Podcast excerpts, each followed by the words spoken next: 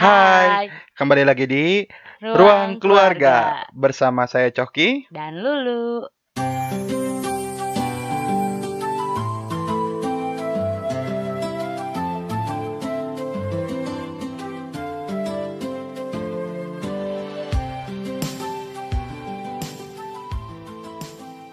Oke, eh, Bun, kan sekarang sudah malam ya, Dede sudah tidur. Kita mau ngobrolin apa dong malam ini, Dum? Malam ini tuh kita lagi mau membahas tentang isu-isu yang kayaknya sering banget dibahas di DM-DM-nya Instagram Kak Coki. Aduh, Karena kan kalau nggak kalau IG aku kan nggak laku ya, sepi gitu. Jadi pasti dibahasnya dari IG-nya Kak Coki. Mentang-mentang IG kita nebeng ya di handphone yang sama ya, jadi bisa Betul. dilihat. Oke, Betul. jadi apa pun yang mau kita bahas nih hari ini buat teman-teman yang mungkin dengerin eh, obrolan kita di ruang keluarga ini, Bun. Eh, kurang lebih asik kurang lebih. Sebenarnya ini kan kita lagi bah- mau bahas tentang banyaknya yang diobrolkan gitu kan. Mm-mm. Pastinya tentang nikah.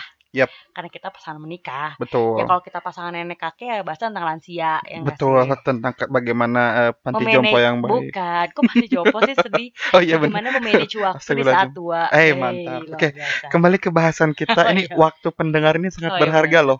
Betul. Betul. Mereka Saking ini orang-orang- Ini orang-orang ini sukses sambil mendengarkan di atas motor dan di atas kereta. Tapi mereka tuh sangat terhibur dengan obrolan kita. Orang baru juga episode pertama. Oke, Oke. bahas apa sih? Oke. Ini udah semenit loh lebih. Ya Allah, gimana Bun? Jadi sebenarnya kita pengen bahas tentang isu yang lagi beredar luas, Mm-mm. yaitu tentang gak mau nikah, Oh, gak mau nikah atau takut nikah ya Bun ya? takut nikah. Hmm. Nah, emang, nah ada alasan sih kenapa sih kita mau bahas tentang tema ini. Kalau dari Apa Bun tuh? kenapa sih? Lo aku dulu yang nanya, Oh, kenapa tuh? Keduluan ya. Ngetes dong. Nggak sih, jadi eh, kenapa sih kita mau, karena kan sebagai awal-awal ya, kita mau bahas ini karena sejujurnya eh, eh, Abah ini kan sering banget nih sharing-sharing misalnya tentang pernikahan. Karena Abah sih ngerasa bahwa salah satu ciri manusia produktif itu, itu ketika dia tuh pernikahannya bener gitu. Kalau nggak bener, eh, pernikahannya itu nggak produktif nanti kehidupannya. Nah, cuman masalahnya ada banyak yang curhat bahwa mereka itu takut nikah, Bun Hmm. bahkan sampai gak mau saya jadinya udah sharing capek-capek terus pas oh makasih Kak Coki saya jadi gak mau nikah apa salah dan dosaku Iya benar. gitu ya bun ya tapi tapi benar juga loh. Kan misalkan aku suka sharing gitu kan di Mm-mm. kelas di kelas online gitu Betul. tentang pranikah.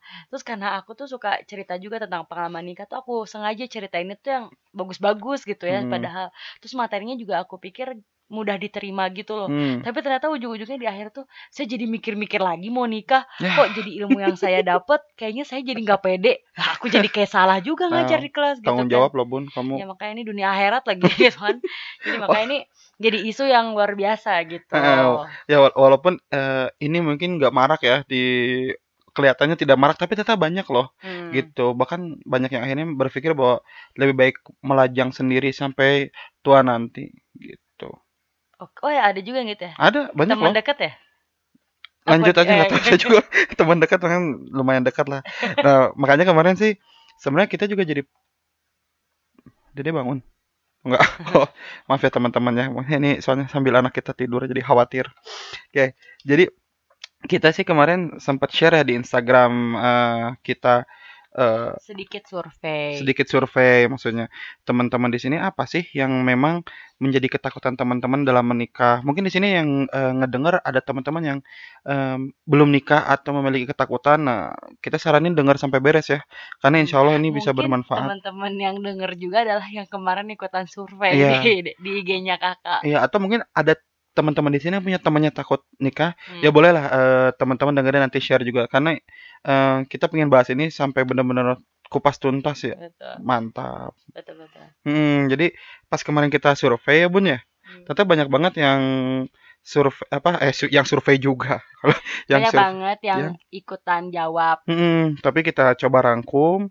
Jadi beberapa ternyata ada beberapa eh, poin penting. poin penting Asik. atau alasan kenapa orang takut menikah ya bun. Ya, Nah ini ada satu dua tiga empat lima enam tujuh delapan lah kurang lebih delapan Oh, iya. bahasan besar ya, Iya. gitu. Ini bukan bukan maksudnya strict banget 8 bahasannya mau jadi kata uh, Lulu dan Coki bukan gitu, delapan orang. Enggak bukan. ini cuma hasil bisa jadi mungkin lebih banyak ya bun ya dari ini. Jadi kita cuma dapat ini dapat dari hasil survei. survei kita. Yang pertama apa bun tuh? Yang pertama tuh kita rangkum tuh salah satunya adalah kesiapan diri. Mm -hmm. kayak misalkan kesiapan diri tuh kayak misalkan dia uh, terbiasa sendiri jadinya belum siap untuk menikah jadinya punya keluarga baru maksudnya mm. gitu kali ya. Terus juga dia itu uh, apa ke kesiapan diri tuh kayak kekurangan ilmu ya mm. jadi dia merasa ilmu saya belum cukup terus mm. ada kekurangan-kekurangan dari kapasitas dirinya jadi dia ngerasa katanya takut gitu buat hmm. uh, nikah itu ya bun ya betul betul hmm. atau juga dari segi misalkan tabungannya belum cukup nih hmm. gitu kan jadi secara finansial hmm, tabungan belum cukup dan kayaknya nggak akan pernah cukup gitu ya, dia bilang juga emang akan cukup cukup orang namanya seumur hidup kalau ya, harus mapan dulu ya 40 hmm. tahunan lah oke okay. uh, eh, selanjutnya Kecuali, nih, tadi yang pertama ya kesiapan diri hmm. yang kedua itu ketakutan terhadap pasangan. Hmm, jadi ada juga yang kayak nulis, saya takut nih mengecewakan pasangan atau saya takut pasangan saya tuh nanti misalnya ya, itu kalau saya mau pergi tuh harus izin terus gak hmm. diizinin atau membuat saya tuh jadi nggak boleh ngerjain apa-apa jadi nggak produktif gitu ya bun ya. Iya betul. Terus apalagi tuh contohnya tuh? yang takut terhadap pasangan ada lagi gak sih? Uh, jadi katanya tuh takut mengecewakan pasangannya gitu. Itu Kayak... tadi udah disebutin oh, sama saya. Oh, ini ibu nggak ngedengerin buat omongan suaminya sendiri. makan mangga mulu sih ini sambil ya. bikin. Ya jadi Atau, intinya ya, uh, ya gitulah. takutlah dari takutnya intinya takut si pasangannya ini itu adalah sumber uh, apa uh, nanti hidupnya itu jadi terpuruk lah yeah. gitu ya ke, uh, ketakutan terhadap pasangan. Enggak, kalau aku tuh bakal bahas misalnya takutan kayak zong gitu maksudnya. Oh iya iya benar sorry sorry. Beda belum dibahas. oh iya. Ngaku-ngaku. Takutnya dapatnya zong ya. Benar, jadi kayak kita ngerasa kitanya udah baik ya dapat pasangannya yang ternyata mengecewakan ya hmm, zong iya. bahasa sekarang tuh nanti gimana kak kalau misalnya kita dapetnya zong nah itu nah, iya. kan bener juga nah tapi ada juga yang zong itu takutnya diri kitanya yang zong buat okay. pasangan. Nah, Benar gitu. sih. Oke, okay. itu tadi yang ketakutan oh. ya. Terus yang ketiga ada yang berkaitan sama trauma atau inner, inner child. child ya. Gimana tuh, Bun? Itu kayak punya luka-luka di masa lalu, hmm. terus kayak keluar pas setelah menikah gitu. Jadi luka-luka masa lalu yang belum belum sembuh lah gitu. Jadi hmm. gimana ya? Kayak belum bisa menerima gitu hal, -hal di masa lalu kayak hmm. misalkan dia punya uh, kepercayaan dirian yang rendah gitu mm -hmm. mungkin gara-gara masa lalunya dibully mm -hmm. nah terus dia bawa tuh kan ke ke pas punya pasangan jadi punya pas punya pasangan tuh dia sangat rendah diri terus sama pasangannya jadi kayak pasangannya dia takut pasangannya tuh bakal memandang dia rendah juga hmm. kayak gitu hmm. atau misalkan dia punya ngelihat kayak di rumah tangga uh, orang tuanya kan hmm. gitu ada yang hmm. bercerai atau gimana nah itu dia jadi melihatnya kayak aku punya luka dan aku takut punya pasangan nanti aku akan kayak gitu juga iya, gitu iya, benar. semacam itulah oh gitu. jadi yang dibully juga deh bun ya nanti ke bawah gitu pas nikah takutnya iya. suaminya ikut ngebully gitu iya karena kemarin tuh aku sempat ikut seminar yang itu loh yang let, let's talk about marriage itu yang kemarin kita di di yang tiga puluh lima ribu bukan di oh, hotel bukan. kemarin oh lupa sebelum oh, itu yang kita dapat iya. free ya mohon maaf kalau gratis saya suka lupa. Nih, yang diingat yang bayar. saat yang dikat ngomongin harga. Terus terus terus. Jadi kemarin tuh sempat ngobrol juga kan eh bukan sempat ngobrol jadi sempat ada yang nanya tentang luka peng pengasuhan hmm. kayak gitu-gitu. Dan ini ngaruh ternyata karena dia takut dibully jadi dia terlalu hmm. kayak gimana terhadap pasangan dan bahkan terhadap anaknya itu nggak itu ngaruh lah di masa lalu kalau di masa lalu hmm. oke okay, kita nggak bahkan iya bahas ya bahas terlalu takut cuma kebayang ya ini karena kalau trau trauma dan inner child ini punya penyembuhan tersendiri. Oke. Okay. Okay, lanjut. Cuman dulu. gini, teman-teman yang di sini suka dibully harus nonton uh, video klipnya Bullet for My Valentine, Waking the Demon. Itu saya dulu nonton gitu. Oh, gitu. Terus pas dibully, teteh orang yang dibulinya pas bulan purnama jadi serigala. cut cut. Oke selanjutnya ya. Oke lanjut. Nonton dong. beban dan tanggung jawab. Oke beban dan tanggung jawab. Jadi katanya ada yang takut dengan tanggung jawab nanti sebagai kalau sudah nikah kan ada peran baru ya. Hmm. satu sebagai seorang istri gitu. Hmm. jadi kayak takut nanti masak begini begini begini atau melayani suami. Hmm. terus sebagai seorang ibu kalau udah punya anak. Terus yang paling sering didiskusikan justru menjadi seorang menantu tuh. Karena takut nanti uh, mertuanya tuh kayak kecewa. Atau galak atau ah itu awas mertua galak. itu aduh itu mah kayaknya ke, apa ya referensinya film tersanjung mungkin ya emang tersanjung mertuanya galak ya? itu sih Leli ada waktu itu aku lihat yang di setrum lagi mandi Mar aku malah lihatnya kayak bidadari ih bidadari mah belum nikah ya? oh, iya, eh tapi Cecep Reza katanya beberapa waktu lalu meninggal eh Oh gitu. dan beritanya nggak rame turut berduka cita buat Cecep Reza juga. Oke lanjut ya. Serius soalnya saya suka dimirip-miripin. Tapi intinya gini, yang beban dan tanggung jawab itu eh apa namanya tuh? Dia banyak yang merasa takut dengan beban dan tanggung jawab ketika nanti kayak sebagai seorang ibu, sebagai seorang istri, sebagai seorang menantu. Karena ada juga yang bilang katanya takut takut nikah itu karena nggak mau punya anak, mm. takut punya anak coba iya, iya. gitu. Karena katanya belum siap uh, mengasuh di zaman sekarang gitu. Dia nggak tahu akan anaknya itu akan menghadapi zaman seperti apa gitu. Maksudnya dia hmm. takut mm. itu. itu. Saya juga okay. shock sih dulu di kampus ada kakak kelas yang bilang, ah anak anak apa uh, keluarga saya tuh ribet gitu, nggak hmm. pengen punya anak, shock sih. Oke, okay, Oke lanjut ya. Nah, itu selanjutnya adalah kata orang lain atau, atau referensinya atau role modelnya gitu. Yang ya. salah yang ya. Salah. Jadi uh, gimana tuh, Bun? Gimana tuh, Bun? ya, itu kayak kan tadi kan saya sudah bagian saya tadi, sekarang Ibu. Jadi kayak misalkan uh, kalau kata kata orang lain tuh misalnya dia denger kata temennya misalnya udah nikah terus dia cerita curhat misalkan sambil nangis nangis habis disakitin suaminya oh, atau misalkan tahu suaminya selingkuh misalnya kayak gitu gitu kan bikin dia jadi yang belum nikah aduh ternyata pernikahan tuh serem banget ya gitu. kacau nih. atau dia misalkan juga dinasehatin oleh orang tuanya yang punya uh, rumah tangganya yang nggak terlalu baik juga gitu yeah, kayak yeah oh rumah tangga tuh berat banget tuh nggak tanggung jawabnya yeah. atau nanti kamu tuh harus ngabdi misalnya sama suami kamu dan lain-lain jadi dia hmm. ngerasa kayak wah ternyata berat banget tanggung jawab aku kayak gitu gitu jadi hmm. ini memang kata orang lain jadi kayak punya role model yang mungkin kurang baik juga gitu ke arah menikah hmm, jadi gitu. uh, referensi yang dia dapatkan mayoritasnya negatif dan buruk hmm. terhadap pernikahan gitu karena yeah. itu kan kalau nikahan ya eh tentang pernikahan. Teman saya mah ada yang udah nikah loh, Bun. Hmm. Terus dia nanya referensi tentang punya anak dan yang ditanyanya bilang, "Aduh, ribet banget punya anak." Jadi yang nikah malah juga nggak pengen punya anak loh. Hmm. Jadi tata referensi juga penting hmm. itu. Terus yang selanjutnya selain uh, referensi yang buruk ada lagi, Bun? Uh, ibadah. Ya, contohnya tuh kayak ibadah gitu loh, hmm. yang beda.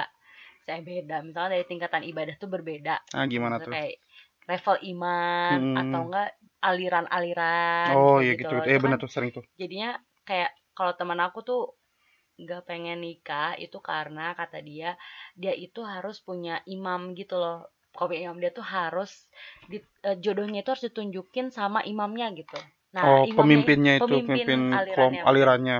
Aku bilang kan emang imam di masjid mana? gitu kan. Terus ternyata ke teman aku tuh cerita bukan imam itu ternyata imam kelompok gitu loh jadi oh. kayak ketua kelompoknya oh ternyata gitu. banyak ya kayak gitu ternyata nah, jadi dia ngerasa takut menikah karena uh, ya belum ada juga mungkin dari imamnya untuk nunjukin si jodohnya yep. dan dia sebenarnya dia nggak siap buat tunjukin sama imamnya itu karena dia ngerasa kayak aduh aku sebenarnya mungkin punya inceran lain tapi hmm. harusnya harus tunduk sama imam itu misalkan kayak gitu gitulah yang kayak gitu okay. maksudnya terus atau nggak dari level level tuh suka suka dibilang tuh sekufu sekufu gitu loh hmm. nah itu kan lagi hits banget tuh yeah. cari pasangan sekufu nah ini kayak belum siap belum hmm. gak, takut nikah atau nggak mau nikah gara-gara belum ngerti lah tentang sekufu ini atau belum mendapatkan sekufu ini hmm. mungkin tuh kayaknya perlu bahas khusus kita ya nanti ya. sekufu ya menarik tuh sekufu nah. panda eh mantap wow wow wow wow Wang, oh mau nyanyi nih udah siap. Jangan ya. Kas Dede keburu bangun. Selanjutnya tuh teknis. Oh, yang teknis itu jadi ini ada beberapa orang-orang yang uh, takut terhadap teknis pernikahannya ya. ya. Kayak misalnya nanti resepsi tuh mahal. Resepsi hmm. mahal, takut nggak ada dananya, takut gimana apa mah urusan teknis banget lah ya hmm. terkait pernikahannya. Iya, betul. Hmm. Kan bingung juga ya kalau misalkan nggak ada nggak ada niatan untuk resepsi mewah tapi ternyata calonnya pengennya mewah. Nah, ah, katanya gitu. itu misalnya kita kita pengennya 70 juta misalnya sekali resepsi gitu. Dia pengennya 70 juta per orang Udah nikahan atau anu Crazy Ini Rich Asian. Enggak, tujuh puluh ribu orang tuh maksudnya apanya ya? Jatahnya Pak. Crazy Rich Asian. Lanjut. Lanjut. nah, selanjutnya itu adalah Ditolak nah ini bercandaan yang... saya ternyata. selanjutnya nih yang paling yang paling sebenarnya kita ini... juga agak-agak pas bahas oh iya benar juga ya ini. Hmm. Dia ini berkaitan dengan, dengan penyakit.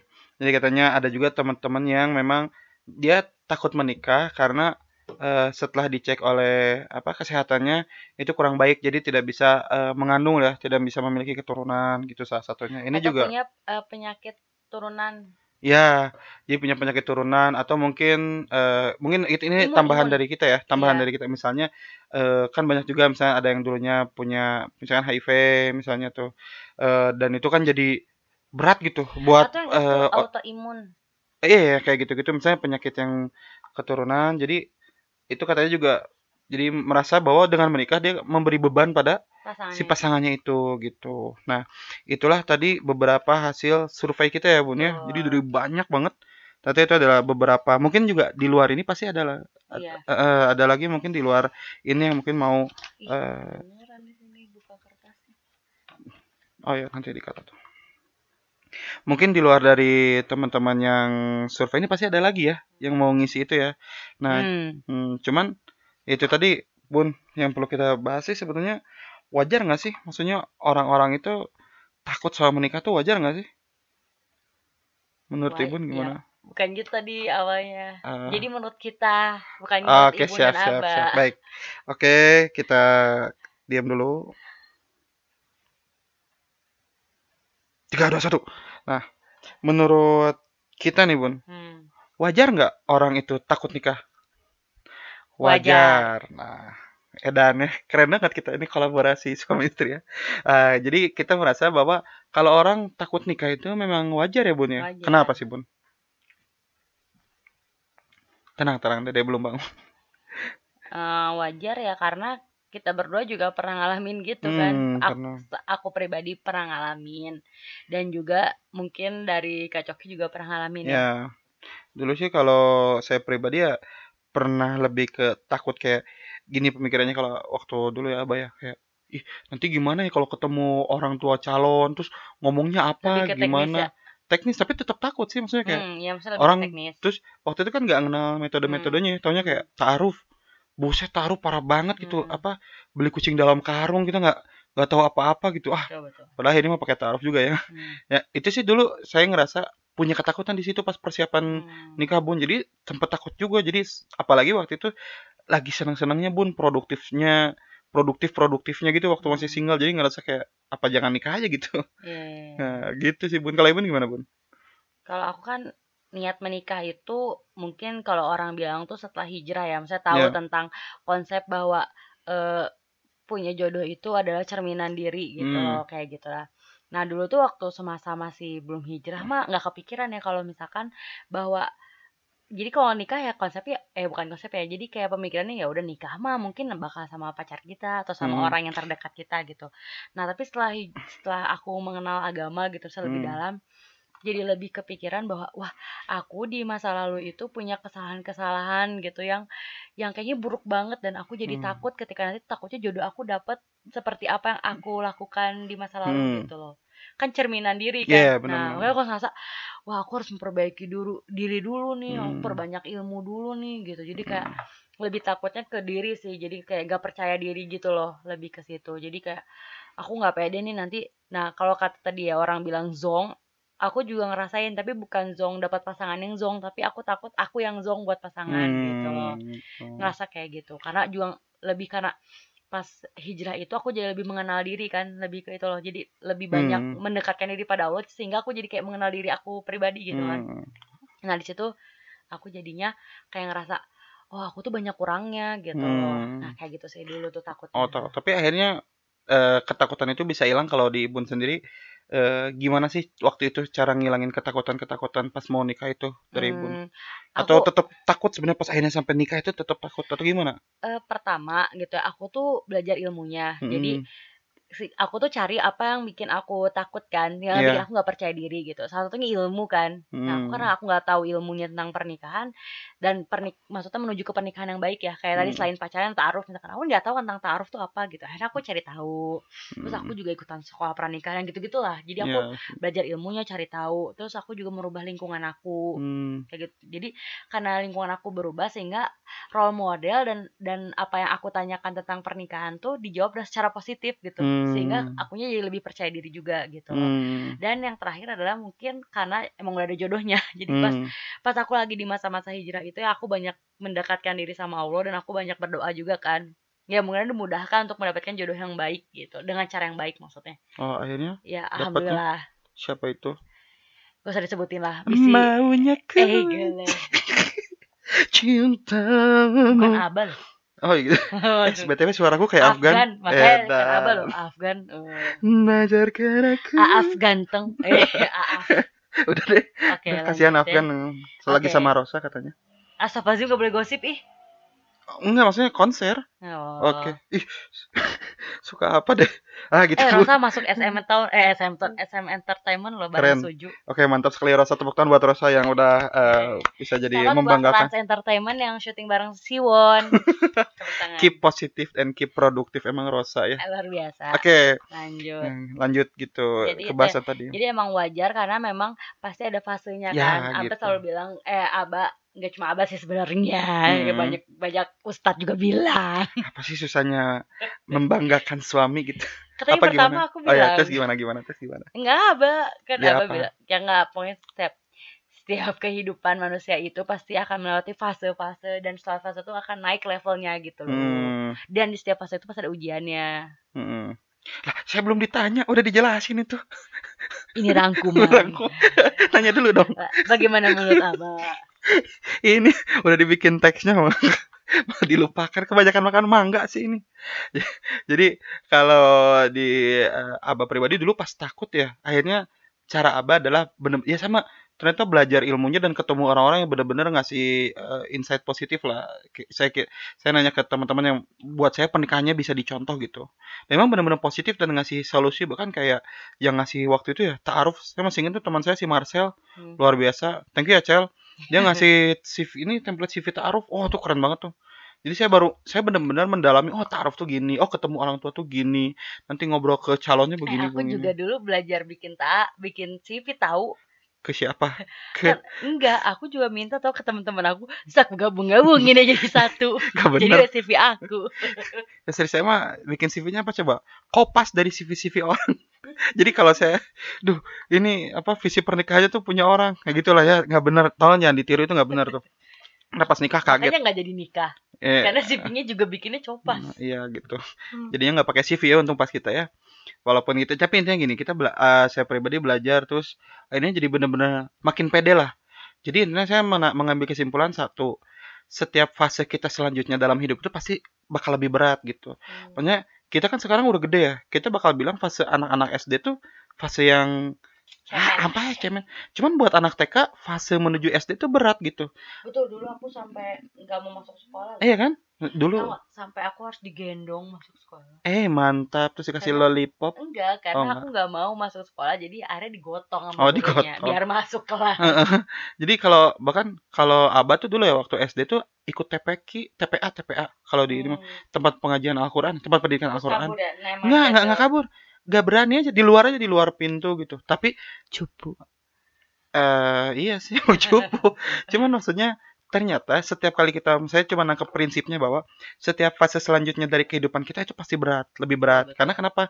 Karena ya kita belum nyampe ke level itu gitu. Dan kita juga belum nyobain kan. Hmm. dan semakin referensi yang datang ke kita tuh mau apa yang buruk-buruk apalagi itu bikin kita makin down gitu. Betul. jadi ternyata ada dua hal untuk menghadapi fase berikutnya. Hmm. Satu buat saya pribadi lah belajar ilmunya, dua nyobain dulu. Nyobain dulu tuh maksudnya ya kayak eh, bukan nyobain kayak kalau nikah ya udah nyobain bukan nyoba belajar maksudnya. Jadi jangan sampai nolak banget gitu. Oh. Sampai gak mau karena kan waktu SD juga dulu takut tapi akhirnya nyobain oh ternyata gini gini oh ternyata nggak seburuk yang saya bayangkan. Kemungkinan sih gitu sih mayoritas. Yeah. Gitu ya, Bun ya. Betul, betul. Ya makanya eh, buat teman-teman yang mungkin hari ini masih ada ketakutan, coba apa sih yang ditakuti dan apa sih yang perlu dipelajari gitu ya. Hmm. Dan coba, coba belajar karena memang uh, fase selanjutnya memang lebih berat, tapi itu bisa kita lewati kok gitu. Dan okay. cuman statement uh, dariku adalah kita nggak bisa menghindari itu, kita nggak bisa menghindari itu. Kamu tidak mau dihadapi, gitu loh bun. Ya bener pak, bener banget abah. Mm -mm. Sekian. Tiba-tiba sekian. Jadi kalau misalkan tadi kan dari teman-teman di IG tuh yang pada bilang takut nikah hmm. karena bla bla bla bla, nih pasti pengen juga nih dapat dapat insight lah. Insight nih gitu atau ya dapat nasehat mungkin. Nasehat. Dari siapa? Dari dari Ustadz. Tapi bukan kita maksudnya. datanglah ke ustadz dan ustazah kepercayaan kalian. Maksudnya pasti pengen juga opini kita kan, maksudnya kena gimana opini GR banget. bukan. Nanti cuman kita punya insight bukan, nih. Kita bukan, share. bukan. Aku tahu. Apa tuh gimana? Pasti teman-teman tuh sebenarnya pengen pengen kepo kan. Kita tuh bisa melewati hal itu kenapa, ya kan? Banget. Oke. Nah, kita Nah. akan menjawab kepoan teman-teman gitu Hmm, kan. kita Nah, mungkin tadi kita bisa ngasih insight buat hasil survei Betul. tadi gitu. Eh, bahasanya kita ngasih insight kan kita tidak menggurui. betul betul. Karena kan kita bukan seorang guru, kita mendoseni. Betul. Kita tidak mengguru dan kita tidak mendoseni, kita hanya membimbing. Mantap. Dosbing ya. Dosen Oke. bingung. Jadi tadi ya kalau misalkan dari teman-teman yang Survei. sur, bukan teman-teman yang survei, kita Oh, survei. Iya, Kalau ini gimana sih? dari hasil survei. Ya, abah kayak kurang kurang minum. Eh, mangganya dong, minta dong sendirian Jadi- dong. Jadi katanya kalau misal kok katanya sih, jadi kalau teman-teman nih yang masih takut karena kesiapannya belum siap, Hmm, terkait tentang kes- kesiapan berdiri. Nah itu Hmm. sebenarnya kalau dari kita berdua ya, Mm-mm. si sotoy pada dari aku pribadi. Nanti kalau aku itu dulu itu aku juga mengalami hal Hmm. ketakutan nikah karena merasa tadi kan aku nggak percaya diri dengan kesiapan diri Hmm. aku gitu kan. Makanya itu aku belajar. Tadi kan aku udah cerita sedikit ya. Jadi aku tuh mencari ilmunya itu benar-benar sampai ke eh, yang pakarnya gitu. Kayak aku Hmm. ikutan sekolah pranikah, Yap. satunya di Salman tuh, Ya. di Salman Bandung. Terus juga aku juga ikutan eh, kelas-kelas online Ya. Eh, persiapan pranikah. Terus Hmm. udah gitu juga aku juga kayak eh, nanya-nanya aku jadi kan merubah lingkaran pertemanan aku sehingga aku Menambah lebih. ya leb- sebenarnya le- lebih ke merubah sih. Oh, merubah ya, bukan karena karena aku benar-benar ya maaf maaf nih bukan artinya aku tidak berteman lagi tapi maksudnya itu aku benar-benar berpindah gitu Iya, kayak iya, iya. dari lingkungan yang dulu ke lingkungan yang ini gitu Hmm, oke. ini nah di situ aku juga mencari role model yang pastinya tuh positif buat aku Oke. tanya-tanyain gitu karena yang negatif itu udah banyak ini nggak perlu dicari guys Mantap. jadi aku mencari role model yang baik nah itu nah Hmm. selanjutnya itu adalah eh, Nah, bisa juga ikutan kelas online-nya Productive School. Ada, ini promosi. ini iklan ya di tengah-tengah Ya, kurangnya Ini Abah juga berbayar bikin. ya? Eh. Iya, enggak ini donasi seikhlasnya. Minimal 25.000 ribu. Oke. Oke, ya contoh lah gitu. Itu kenapa kita bikin Abah bikin ya kelas buat persiapan Betul, betul. pernikahan buat ngele ngejelasin beberapa. Eh ini bener, bener loh. Sorry, motong itu makanya ini bener-bener promo. Ya, gitu. Mm. Ya, buat susu sapi ya. Lanjut. Terus apa Jadi- lagi? Jadi emang emang kayak gitu. Jadi maksudnya kalau kita merasa kurang di kesiapan diri, kita cari dulu apa sih yang menurut kita kurang gitu. Lalu Hmm. kita ya jangan cuma diem aja terus cuma bikin statement kita kurang gitu, tapi cari juga ap- eh, obatnya gitu misalnya. Apa nih yang Iya. bikin kita jadi nggak kurang gitu, misalnya Hmm. kayak gitu. Nah, kalau dari Abah sendiri gimana tuh? Sama sih kalau yang terkait kesiapan diri mah. Ya memang Hmm, intinya sih gini lah. Ya kita kurang.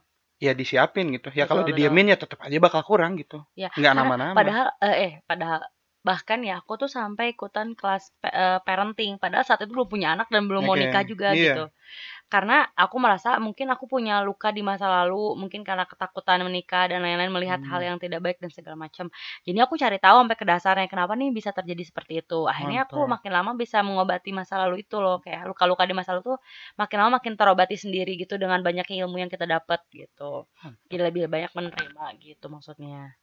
Itu Mantap eh, istri koe. Ya iyalah makanya dinikahin. Pede banget. Itu. Yang kedua Yang adalah kedua. tentang ketakutan terhadap pasangan. Nah, ini banyak banget ya. ya cuman saya cuma Aku bilang juga gini. takut sama Kak Coki. Nah, Eh. Saya maksudnya gini lah intinya teman-teman buat teman-teman saya merasa bahwa eh gini, teman-teman yang bilang saya takut pasangan zong. Lah itu kan teman-teman yang milih gitu. Wah enggak? Hmm. Jadi kecuali teman-teman memang dijodohkan dan kayak super deal 2 miliar gitu. Ya mau pilih yang mana gitu pas, dibuka zong. atau ya yang di dalam box speknya emang gitunya Mm. eh, masih kecil badannya teh. Tapi intinya kayak gini. Kalau ter- saya takut nanti dapat pasangan itu gini teman-teman. Teman-teman tuh sangat punya hak untuk memilih siapa yang menjadi pasangan teman-teman. Nggak tiba-tiba dipilihin. Nah, pertanyaannya teman-teman tuh milih nggak gitu maksudnya. Jadi Makanya itu penting untuk kalian tuh tahu kriteria pasangan ma- mana yang pengen kalian dapatkan. jadi memang kita juga harus nentuin kriteria yang kita butuhkan apa. Jadi kayak gini. Ada yang takut kayak saya takut nih nanti suami nggak ngizinin untuk bekerja. Ya makanya pilihnya pasangan yang mengizinkan. Mengizinkan. Jangan dari awal memilih yang tidak mengizinkan gitu. Betul. Jadi itu pentingnya sesi pengenalan. Makanya uh, kalau saya waktu itu merasa ta'aruf ini sangat-sangat luar biasa prosesnya karena setelah mendalami, oh ini fair-fairan gitu. Kalau orang ini nggak cocok, ya sorry itu saya nggak dilanjut gitu kan. Kalau cocok beda, lanjut. Beda sama kalau kalau misalkan pas, pasangan yang memilih untuk pacaran dulu ah, kan. Nah itu kalau pacaran dulu karena sudah lama terbangun jadi kayak ya udah gimana lagi gitu udah nanggung. udah kelu udah keluar gitu nah, loh. Saya masih ingat loh Bun, ada temen yang min berapa nikah itu japri tentang visi pernikahan terus dia cerita katanya nggak cocok istrinya pingin kerja suaminya pingin istrinya di rumah. Hmm, kalau punya anak ngurus tapi istrinya tuh pinginnya ngembangin karir full. Stres jadi si ini tuh mau nikah ya akhirnya nikah juga. Cuman ya mungkin ya, ada mungkin ada diskusi lain yang akhirnya ya, mereka... ya kita nggak tahu juga ya. Saya cuma berdoa semoga yang terbaik nggak ada doa yang buruk lah buat yang teman-teman nikah. Cuman maksudnya eh, dia bilang nggak bisa mundur. Soalnya saya udah terlanjur nah maksudnya di situ. Intinya yang takut sama pasangan itu intinya teman-teman ya itu kuasa bukan kuasa itu hak teman-teman untuk milih oke okay. gitu ya untuk takut pada pasangan ya kalau misalkan di bahasan aku tuh biasanya tuh kita harus mengenali diri kita dulu sebelum hmm. kita akan memilih kriteria pasangan oh, jadi betul, betul. mana yang kita butuhkan itulah jadi kriteria pasangan kayaknya nanti kita bahas lagi ya di sesi podcast okay. lainnya Oke, di Kira mau bahas ini sampai sejam. Ah, jangan dong. Itu lama banget itu. Oke, selanjutnya tuh tentang trauma atau inner child. Kayak nggak kita nggak bakalan bahas banyak. Detail ya, karena bukan ahlinya juga kita. Ya. Betul. Ya. Karena yang aku pahami ya bahwa inner child ini atau trauma ini tuh harus disembuhkan oleh ahlinya atau profesional. Hmm. Jadi kita kalaupun memang tidak ke arah sana mungkin ke orang-orang yang memang cenderung uh, ke arah psikologi gitu ya. Iya, atau yang bisa menterapi gitu, terapis-terapis yang memang atau konsultasi dengan orang-orang psikolog gitu. Intinya yeah. kayak gitu. Jadi kita hanya bilang memang ini ada, ini jadi bagian dari ketakutan teman-teman gitu kan. Okay. Yang pasti yang pasti memang uh, inner child ini katanya sih ada dua, positif dan negatif. Nah, hmm. teman-teman bisa bisa cari tahu kalau hal ini. Ya, yang okay. pasti gini, ini karena ini benar-benar uh, apa maksudnya itu fundamental ya Betul. dan ini penting mohon untuk tidak asal mencari uh, referensi dan tidak asal nyari orang yang menyembuhkannya gitu hmm. gitu jangan karena sahabat nanya karena belum tentu sahabatnya juga ngerti ya cara hmm. ngobatinya serius gitu yeah. gitu Iya betul. Gitu ya. Betul. Oke, terus selanjutnya Bun tentang selanjutnya beban uh, dan tanggung jawab ya. Beban dan tanggung jawab ini uh, kalau misalkan ini ya tadi kalau alasan-alasan itu seperti kayak nggak mau nikah, takut punya peran baru sebagai hmm. istri atau sebagai ibu gitu kan. Eh nggak mau nikah, nggak mau punya anak, saya gitu ya, ya. Takut jadi menantu. Ya, takut jadi menantu. Sebenarnya kan tadi kita udah bahas sedikit ya bahwa setiap diri kita itu akan naik gitu. Fase kita akan yeah. melewati fase-fase yang mudah dan akan terus menaik lah. Naik ke fase-fase yang lebih sulit hmm. dari sebelumnya gitu kan. Jadi walaupun kalian menghindari untuk menikah dan untuk tidak menjalani hal itu kan akan menemukan fase yang sulit juga hmm. di kehidupan kalian tanpa menikah pun gitu ya. Hmm. Kan juga akan menemukan fase yang sulit gitu. Jadi hmm. bukan karena menikahnya tapi memang karena hidup kalian aja masih hidup. Iya, karena pasti naik sih. Hidup. Gitu. Jadi, Jadi ya ya ini sebenarnya kalau beban tanggung jawab ini ya makanya itu ya tadi ya, balik lagi ke pertama kita harus tahu dulu ilmunya. Hmm. gitu memang kita kalau perempuan ya kita kan punya punya tanggung jawab sebagai punya kewajiban sebagai istri dan juga punya tanggung jawab sebagai ibu gitu kan. Hmm. jadi otomatis gitu kan kita harus belajar bagaimana bisa menjalankan peran ini dengan sebaik-baiknya gitu kan. Apalagi kalau secara agama gitu kan agama Islam ya tentunya bahwa kalau posisinya sebagai istri itu yang pertama tuh taat pada suami kan. Hmm. Nah, itu makanya harus dicari tahu sama teman-teman kriteria pasangan seperti apa yang cocok untuk taatnya kalian gitu. Misalkan kayak tadi ya, kalau ada misalnya istrinya yang gak mau uh, nggak mau kerja, eh istrinya mau kerja, suaminya bilang jangan kerja lah, kita harus taat sama suami gimana? Nah, yeah. cari yang bisa ngizinin juga kayak gitu gitulah. Hmm. Makanya, cari yang cari yang suami itu bisa ngasih ridho sesuai dengan visi hidup betul, kita betul, itu betul. gitu. Kayak gitu intinya. Jadi ya. Jadi tentang tanggung jawab dan beban itu memang uh, intinya fase apa pun yang akan kita lewati kan ada masalah, hmm. maka belajarlah ilmunya gitu. Karena intinya ilmu akan memecahkan masalah dan masalah yang terpecahkan akan memberikan ketenangan dalam hidup. Hmm. Ini banget ya, kuat Google banget ya. Tapi ini aku Bener aku nggak setuju ya kalau misalkan ada yang bilang bahwa misalkan nanti tahun pernikahan keberapa itu fase yang paling sulit. Hmm. Nanti tahun keberapa lagi pernikahan sulit menurut kita tuh memang bukan karena sulitnya, karena memang setiap kehidupan manusia itu sulit, ada sulitnya, ada ujiannya gitu Iya, ada ada beban, ada Tapi kan beratnya. gimana gimana diri kita pribadi dan bagaimana kita dengan pasangan gitu dalam menyelesaikan itu kan. Ada Hmm. yang hahihi doang jadi ngerasa nggak sulit, ada yang misalkan ngerasa sulit banget karena emang stres ngejalanin Hmm. pernikahannya karena memang nggak sevisi dan nggak semisi Betul. gitu kan. Jadi ini perlu di perlu di ini ya, perlu misalnya perlu digarisbawahi bahwa memang setiap manusia yang hidup itu pasti ada ujiannya, Hmm. pasti ada fase yang lebih sulitnya itu. Oke.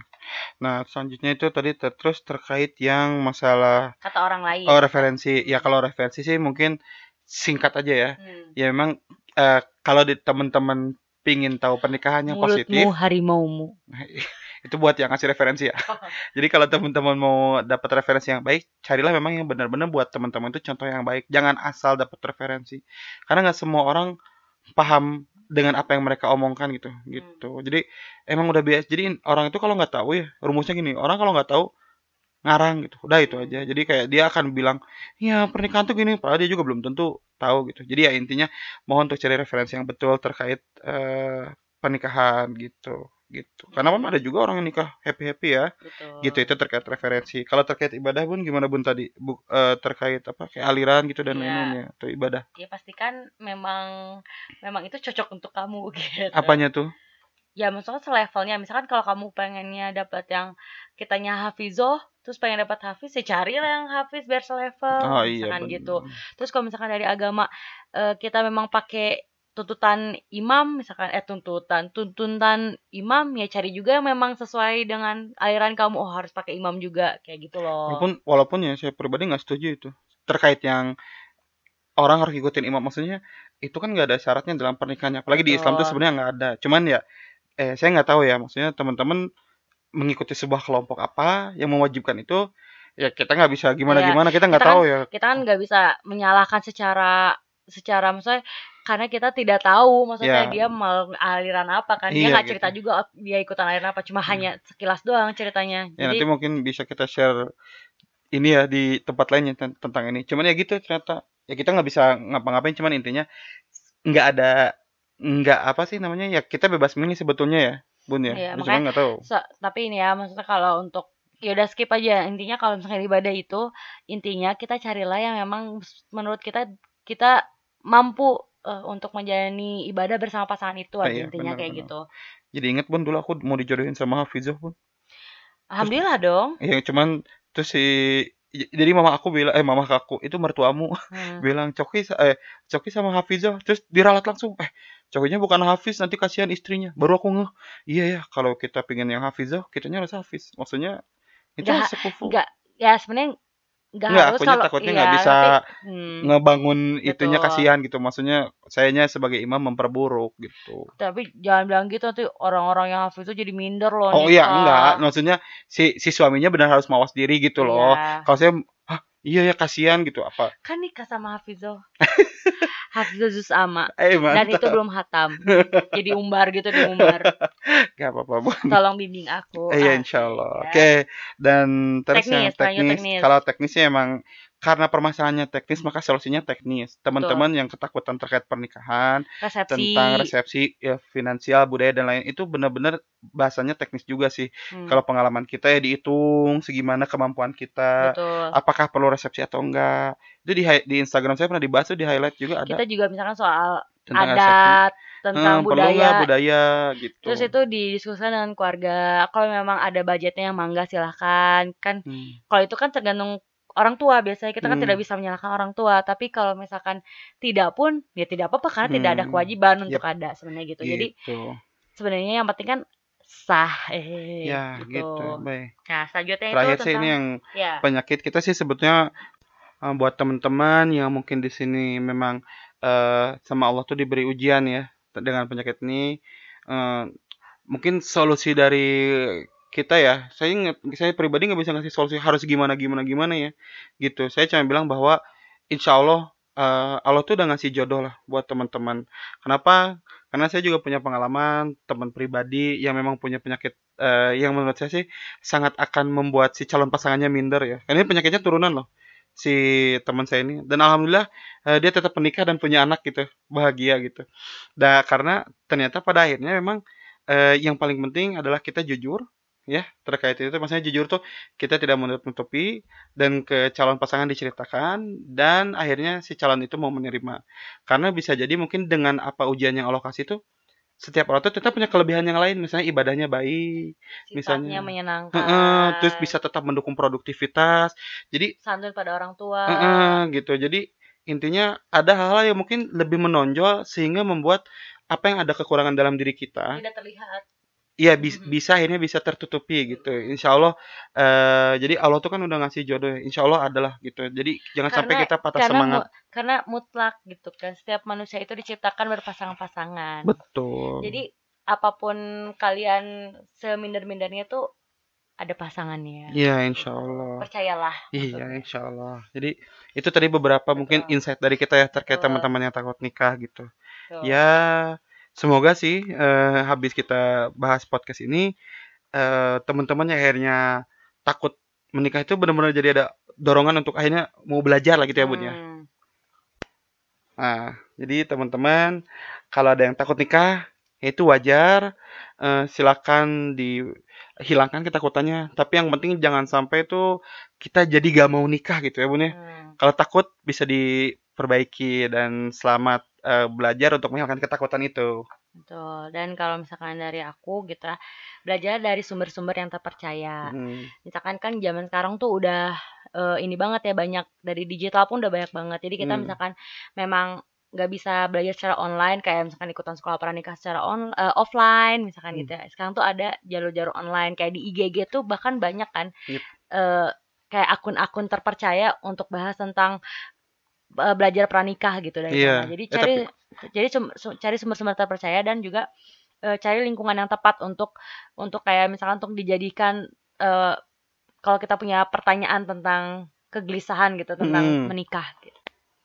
Nah, itu mungkin closing statement yang bisa kita sampaikan Betul. di akhir sesi ini mm, gitu. Dan uh, uh, intinya semoga bermanfaat dan Amin. kita akan ketemu lagi di ruang keluarga berikutnya ya Betul. dengan bahasan yang lain teman-teman kalau misalnya punya saran ya atau eh, Request. eh tepuk tangan lu dong kita oh, selesai Woo. atau punya requestan ya request materi atau ada yang mau ditanyain boleh banget ya di follow di at coki underscore isyraki atau di Lulu Azahra. Nah, silakan kita nerima kritik saran teman-teman uh, intinya semoga ini benar-benar bermanfaat lah udah gitu. Ya, udah gitu. Sip, karena kita juga sudah mau istirahat. Betul. Sudah malam. Sampai jumpa lagi di ruang keluarga. Wassalamualaikum warahmatullahi wabarakatuh. Dadah.